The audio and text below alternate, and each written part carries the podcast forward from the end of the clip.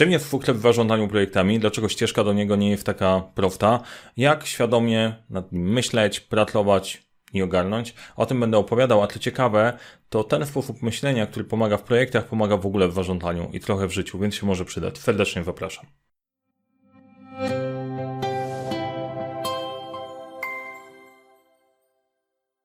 Cześć, witajcie, nazywam się Mariusz Kapufta. Uczę jak rozpoczynać kończyć z Fuklefem projekty w świecie, w którym brakuje czasu, brakuje zasobów, za to nie brakuje problemów i pomagam te problemy rozwiązywać. Jednym z tych problemów jest odwieczne pytanie, jak zakończyć projekt Fuklefem.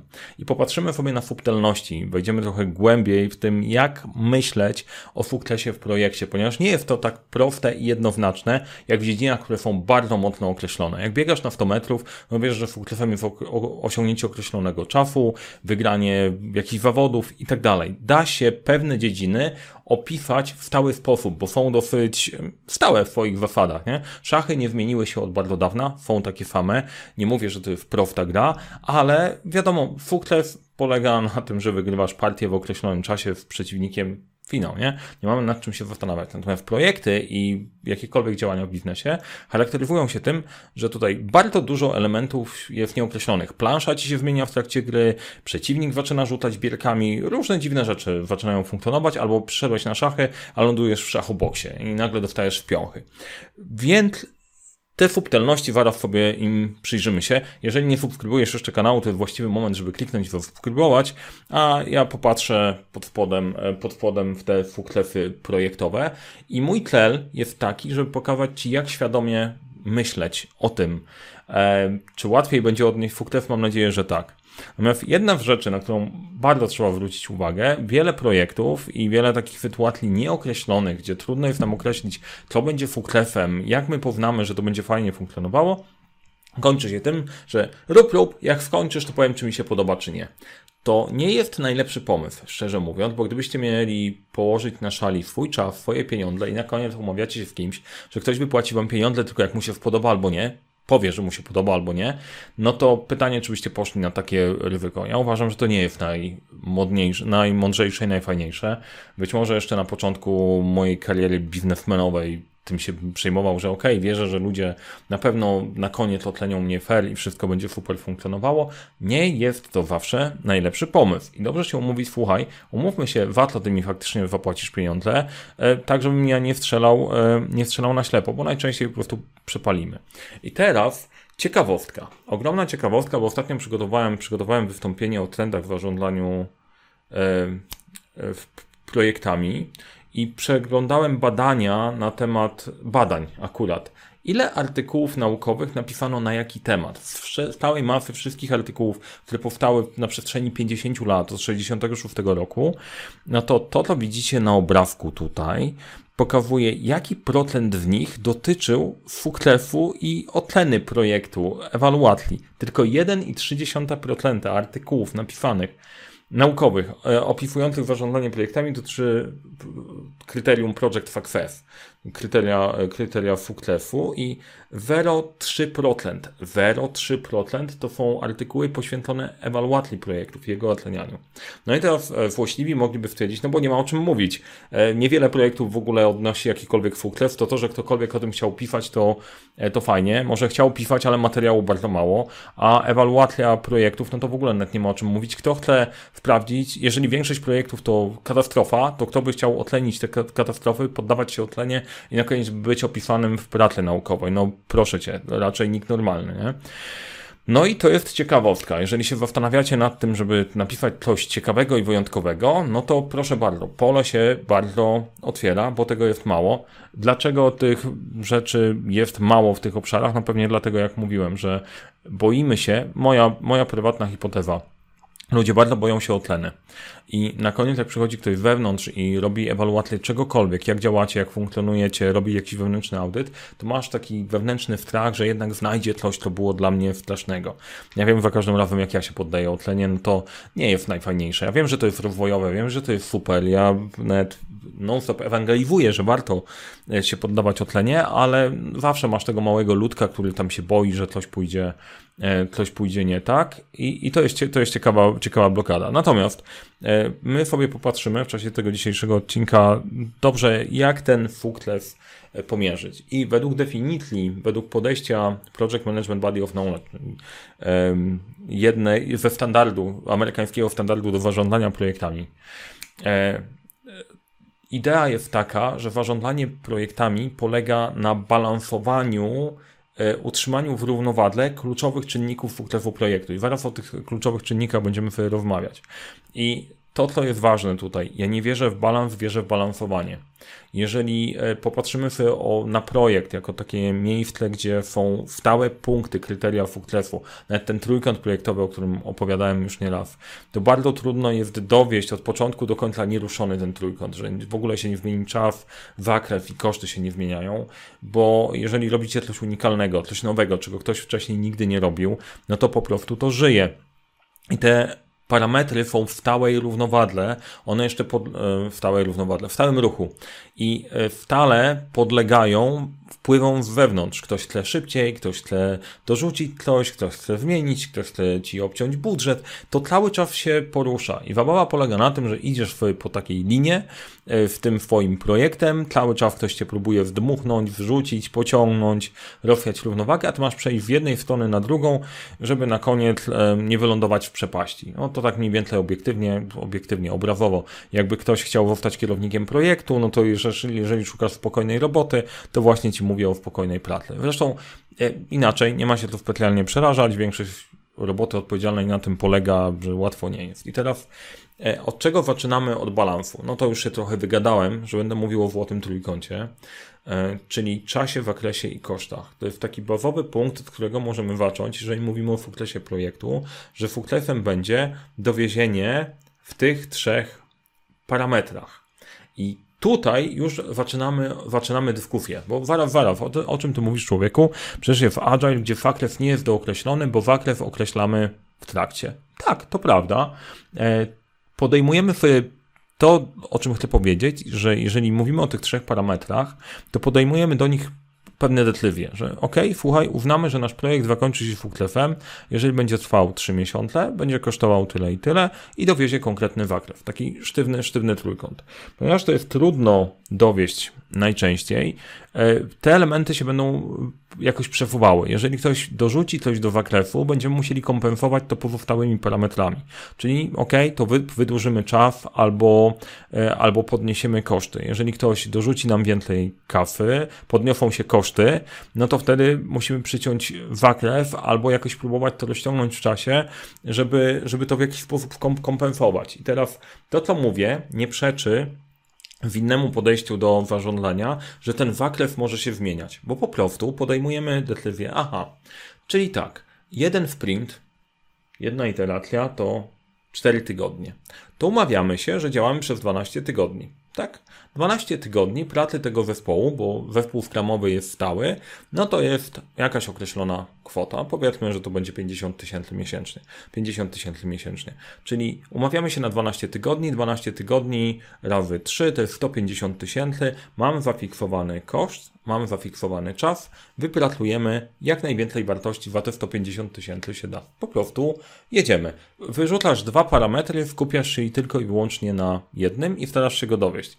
E, no i w porządku, możemy się też umawiać inaczej. Większość kontraktów istniejących na rynku to są kontrakty fixed price i tak na dobrą sprawę z zafiksowanym zakresem, czyli jest określona lista rzeczy, która ma być dowieziona, są koszty tlena, za którą to sprzedajemy jest harmonogram, w jakim to mamy dowieść. Ponieważ najczęściej, jeżeli kupuję sobie, do, jeżeli dostawca składa takie taką ofertę, to musi sobie tam wliczyć swoje ryzyko, swoje koszty, żeby mu się to odpowiednio skalkulowało. Harmonogram też ma odpowiednie bufory.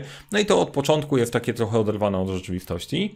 E, albo bardziej perfidnie po prostu nie kalkuluje tego, bo liczy, że będą potrzebne zmiany, bo wie, że są potrzebne zmiany, i wtedy będzie się starał na tym, e, na tym odzyskać kafę. I to jest ciekawe, bo to jeszcze inny obszar właśnie otworzyłem, że trochę inny czas w koszty ma dostawca, trochę inny czas zakrew koszty będzie miał klient, który kupuje ten projekt, ale już nie wchodźmy w to, bo zamieszam, znowu zamieszam.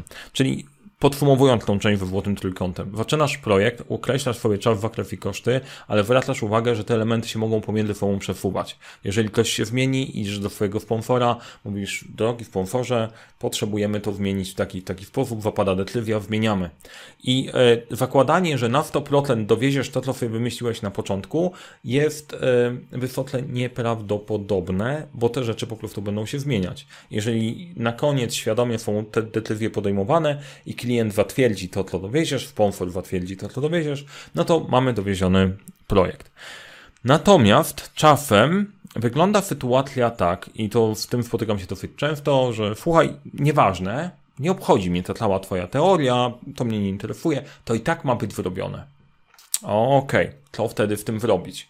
No, no, zastanówmy się, co w tym można zrobić, jak ktoś ci mówi, że projekt i tak jest oderwany od rzeczywistości, a trzeba go dostarczyć. I ciekawostka, 85% mniej więcej projektów jest oderwanych od rzeczywistości, czyli ten czas, zakres, koszty e, nie są takie, jakie być mogą. Co robimy?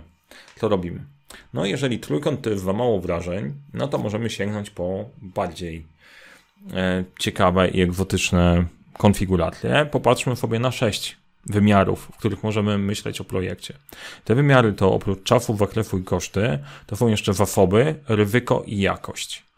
I ogromną ciekawostką jest to, że jeżeli masz ogromną presję na ten czas, zakres i koszty, to najprawdopodobniej pierwszą, która umrze w tym całym układzie będzie jakość bo klient zamawiający jakiś produkt nie do końca jest w stanie skontrolować wszystkie elementy, nie zawsze się na tym zna i zawsze jesteś w stanie wymyślić coś, co będzie po prostu tańsze. Niby czas, zakres ten sam, koszty te same, wszystko ok, ale jednak udało się to zrobić. Jakim, jak to się dzieje? E, nie pamiętam, czy już Wam opowiadałem, czy nie, historię negocjacji mojego taty odnośnie wózka widłowego.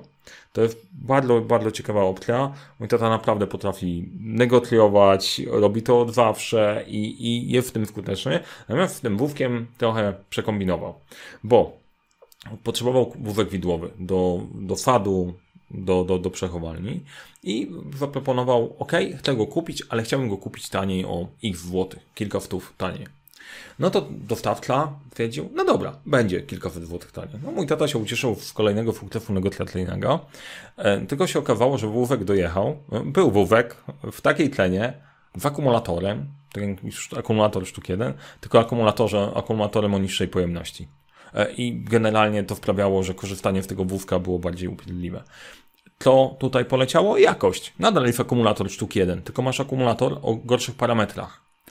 I jeżeli te parametry nie są wpisane, no to po prostu na jakości jesteśmy w stanie przyciąć najbardziej. Po prostu robisz na odwalsie, tam gdzie się, e, tam gdzie się da. I e, jak ktoś mi mówi, nie, tak się nie dzieje, tak, wiem, że tak się dzieje. Jeżeli ktoś się ciśnie na czas w koszty, ty nie możesz, bo dołożyłbyś w własnej kieszeni i nie jesteś w stanie go przekonać w jakiś inny sposób, to szukasz takich sposobów, żeby się nie zorientował, nie? Prosta rzecz. E, ważne, nie, nie rekomenduję tego, rozmawiajcie w sensowny sposób ze sobą i to też fajnie mieć świadomość po stronie klienta, że jak wyciskasz na makwa, to po prostu to też ma swoje granice. Jakość, te rzeczy, które są trudno zmierzalne, najprawdopodobniej tam się coś zmieni. Przykład, w projektu, który robiłem dawno, dawno temu, dostaliśmy I to też e, właśnie bardzo, bardzo ważny punkt. Opowiem Wam o przykładzie i później popatrzymy na niuanse. E, projekt polegał na tym, że mamy dostarczyć system. No i ten nieważne. Cokolwiek by nie robił. I dostaliśmy wymaganie, że ten system ma mieć support 24 godziny na 7. Ja zadałem pytanie, po co Wam support 24 godziny na 7, skoro pracujecie 5 dni w tygodniu? Słuszna uwaga, Mariusz? No to zróbmy 24 na 5. Kolejne moje pytanie brzmiało, ok, a po co wam support 24 godziny, skoro pracujecie 8 godzin? No tak, masz rację, to zróbmy 8 na 5, tak? I w tym momencie znacząco ograniczamy koszty tego całego systemu, bo to jest całkiem inny poziom E, poziom serwisu, całkiem inny poziom, poziom kosztów. I nie weszliśmy w jakości, to jest ważne. Doprecyzowaliśmy parametry, bo jeżeli powiesz klientowi, słuchaj, zrobimy to niższej jakości, nikt tego nie będzie chciał. Więc nie mów, że będzie coś niższej jakości, tylko pokaż parametry, jakie są możliwe, jakie to ma znaczenie i na tym elemencie możemy grać. Czyli nasz trójkącik projektowy, czas, zakres, koszty się nie zmieni, zmienią się bardziej szczegółowe parametry zakresu tych elementów, które chcemy zrobić. Kolejny element to są zasoby jeżeli mówimy, mówimy o kosztach. E, no, możemy użyć no Okej, okay. jeżeli mówimy ludzie, finanse i sprzęt, możemy użyć tańszego, gorszego sprzętu albo gorszych materiałów, to też się przekłada na jakość i konkretne parametry. Ale E, możesz mieć osoby, które będą na przykład tańsze. Bierzemy juniorów. Czy one będą tańsze w całym, w całym projekcie, to nie wiem, czy to, jest, czy to jest najlepszy pomysł. Można w jakiś sposób zastanowić się nad miksowaniem zespołu. Słuchaj, przydzieliłem Ci najlepszych ekspertów, to jest trójka najlepszych wymiataczy, ale możemy zrobić tak, zostawiamy wymiatacza, dajemy mu dwóch juniorów, to zajmie trochę więcej, ale jesteśmy w stanie to skompensować, skompensować czasem. Czyli rozpatrujemy, jak możemy pograć elementami, które są dostępne, albo szukamy, żeby te zasoby były dostępne w czasie, gdzie one na przykład są tańsze, bo większość, jakiś biznes ma przestój, jest sezonowy, to tam szukamy, e, szukamy tych ludzi. No i e, ok, czyli czas, zakres, koszty, możemy grać jakością, parametrami, możemy grać zasobami, no i element ryzyka. I to jest ten ostatni punkt, który, o którym się w ogóle, w ogóle najczęściej świadomie nie mówi, że słuchaj, spróbujmy wrobić to i zobaczymy, czy nam się uda. Jak człowiek jest przyciśnięty do ściany, to ok, zaciska kciuki, modli się, czy cokolwiek innego robi, że być może nam się uda. Ja proponuję, żeby w projektach świadomie podejmować tę decyzję. Przychodzisz jako kierownik projektu do sponsora, mówisz ok, w sponsorze, jest ten czas zakres koszty, jest ryzyko, być może nam się uda, ale jest też spora szansa, że się wysypiemy. Przygotujmy się na taką sytuację, żeby nie było totalnego problemu i, i, i bałaganu. Jeżeli masz świadomego sponsora, to ty zarządzasz, ok, dobra, wiem, że to jest świadome ryzyko, zakładamy, jak oceniacie szansę 50-50. Dobra, wystarczająco. Ok, jestem gotów położyć to na szali, działamy. Dlaczego ten parametr ryzyka jest dosyć istotny? Bo jeżeli ty jako kierownik projektu przychodzisz do sponsora, no to on później ten projekt niesie na przykład gdzieś dalej, czyli prowadzicie jakiś projekt informatyczny, wstawiacie w stronę i y, człowiek, który za to odpowiada, idzie do działu marketingu i mówi wam, gwarantuję wam, że ta strona będzie wstała do 1 czerwca. Tylko jeżeli on gwarantuje, a wy macie ryzyko na poziomie 50%, no to jest spora szansa, że zrobisz siebie idiotę warto na to zwrócić uwagę. Ja nie mówię, żeby nie podejmować ryzyka, tylko warto je podejmować świadomie i zdać sobie sprawę, że ono tam jest. Czyli wbierając do, tlało, do, e, do te elementy. Nie? Jeżeli mamy czas, zakres i koszty, to zawsze zaczynamy, zaczynamy od tego jako bazowego punktu balansu, według którego się ruszamy. Jeżeli się okazuje, że projekt jest naprawdę wyżyłowany i ciężko jest go ograć, warto dołączyć do tego też te parametry związane z zasobami, ryzykiem i jakością. Teraz sukces projektu będzie polegał na tym, żeby zbalansować te rzeczy w taki sposób i tak pozwolić mu oddychać, żeby na koniec uzyskać te korzyści, które chcemy przy odpowiednim balansie. Jeżeli mamy sześć wymiarów, to one się będą gibały w każdą stronę, będą całkiem inne niż e, omawialiśmy na początku, ale będzie łatwiej w ogóle w projekcie nawigować. Mam nadzieję, że to jakoś, jakoś układa, układa rzeczywistość. Jeżeli Wam się podobało, to poproszę łapkę w górę. Dajcie mi znać w komentarzach, co o tym myślicie, jak u Was wygląda w tym balansowaniem, jak wygląda chowanie części elementów, elementów pod spód, a wszystkich tych, którzy chcą sobie w projekcie poukładać te kryteria i ten właściwy balans złapać, e, to zapraszam Was do Szkoły Zarządzania Projektami Online. Tam jest szablon, kryteria sukcesu w projekcie, który możecie sobie pobrać razem z zapisem live. E, pomoże Wam dojść do włapania właściwych kryteriów od kluczowych interesariuszy, od kluczowych osób, określenia ich w taki sposób, żeby nie było wątpliwości i pozwoli Wam też podjąć te trudne dyskusje związane z jakością E, przede wszystkim z jakością, jak rozmawiać z klientem, jak rozmawiać ze sponsorem, jak rozmawiać z ludźmi, z którymi pracujecie, żeby dało się faktycznie pogodzić w przestrzeni telefy i zrobić z tego coś konstruktywnego. Więc zapraszam, link znajdziecie w opisie, opisie filmu. Warto nad tym popracować. E, jeżeli Wam się podobało, łapka w górę, subskrybujcie kanał, napiszcie w komentarzu, co myślicie i do dzieła, bo samo się nie wyrobi.